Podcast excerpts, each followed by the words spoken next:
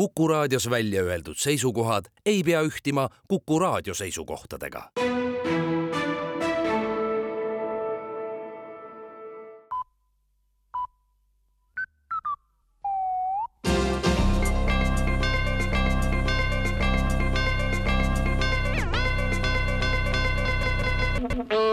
tere kuulama uudiseid stuudios Rohke Debelak rahandusministeerium on koostanud uue maksuprojekti, mis peaks lõpetama kirjad kõikide teiste maksude tõstmise või langetamise ja uute maksude väljatöötamise ümber. uueks maksuks on riigieelarve maks, mille suurus on igal aastal erinev ja mille ülesandeks ongi koguda kokku kõik vahendid, mis on tarvilikud riigieelarve tasakaalu saamiseks riigieelarvemaksu kasutatakse ainult juhul, kui juba olemasolevad maksud ei laeku piisavalt ja on näha, et tekkimas on puudujääk. riigieelarve, eriti tasakaalus riigieelarve tegemine on suur töö ja selline eelarve on ka riigi julgeolekule hädatarvilik, mistõttu riigieelarve maksu kehtestamine oluline on. riigieelarvemaksu suuruseks on vajaduse suurus ja see vajadus nõutakse sisse proportsionaalselt nii ettevõtetelt kui eraisikultelt valitsus aga annab veel teada uuest alkoholi liigtarvitamise vastase kampaania käivitamisest. Mitmed uuringud näitavad, et majanduslanguste perioodil hakatakse riigis oluliselt vähem alkoholi tarvitama. nii on see olnud kõikide majanduskriiside ajal ja praegune edukas majanduse jahutamine toob samuti peatselt kaasa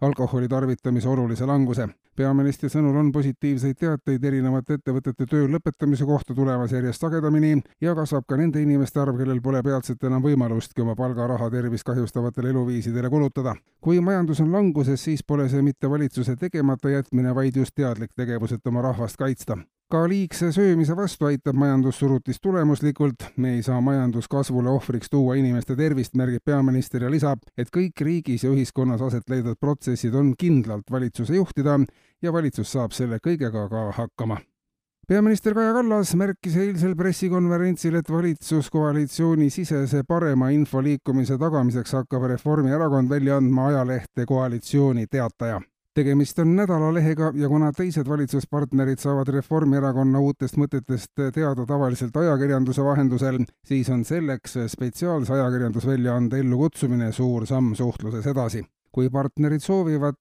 siis võib nädalalehes kasvada välja ka sagedasema sammuga väljaanne, kuid põnevuse säilitamiseks on nädalalehe formaat siiski sobivam, leiab ka Rahandusministeerium ja lõpetamegi rahaga.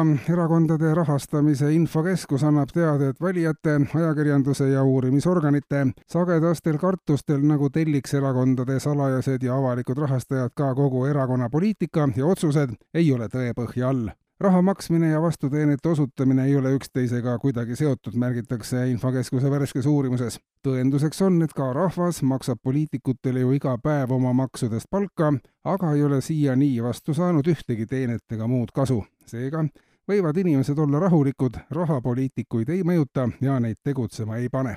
kuulsite uudiseid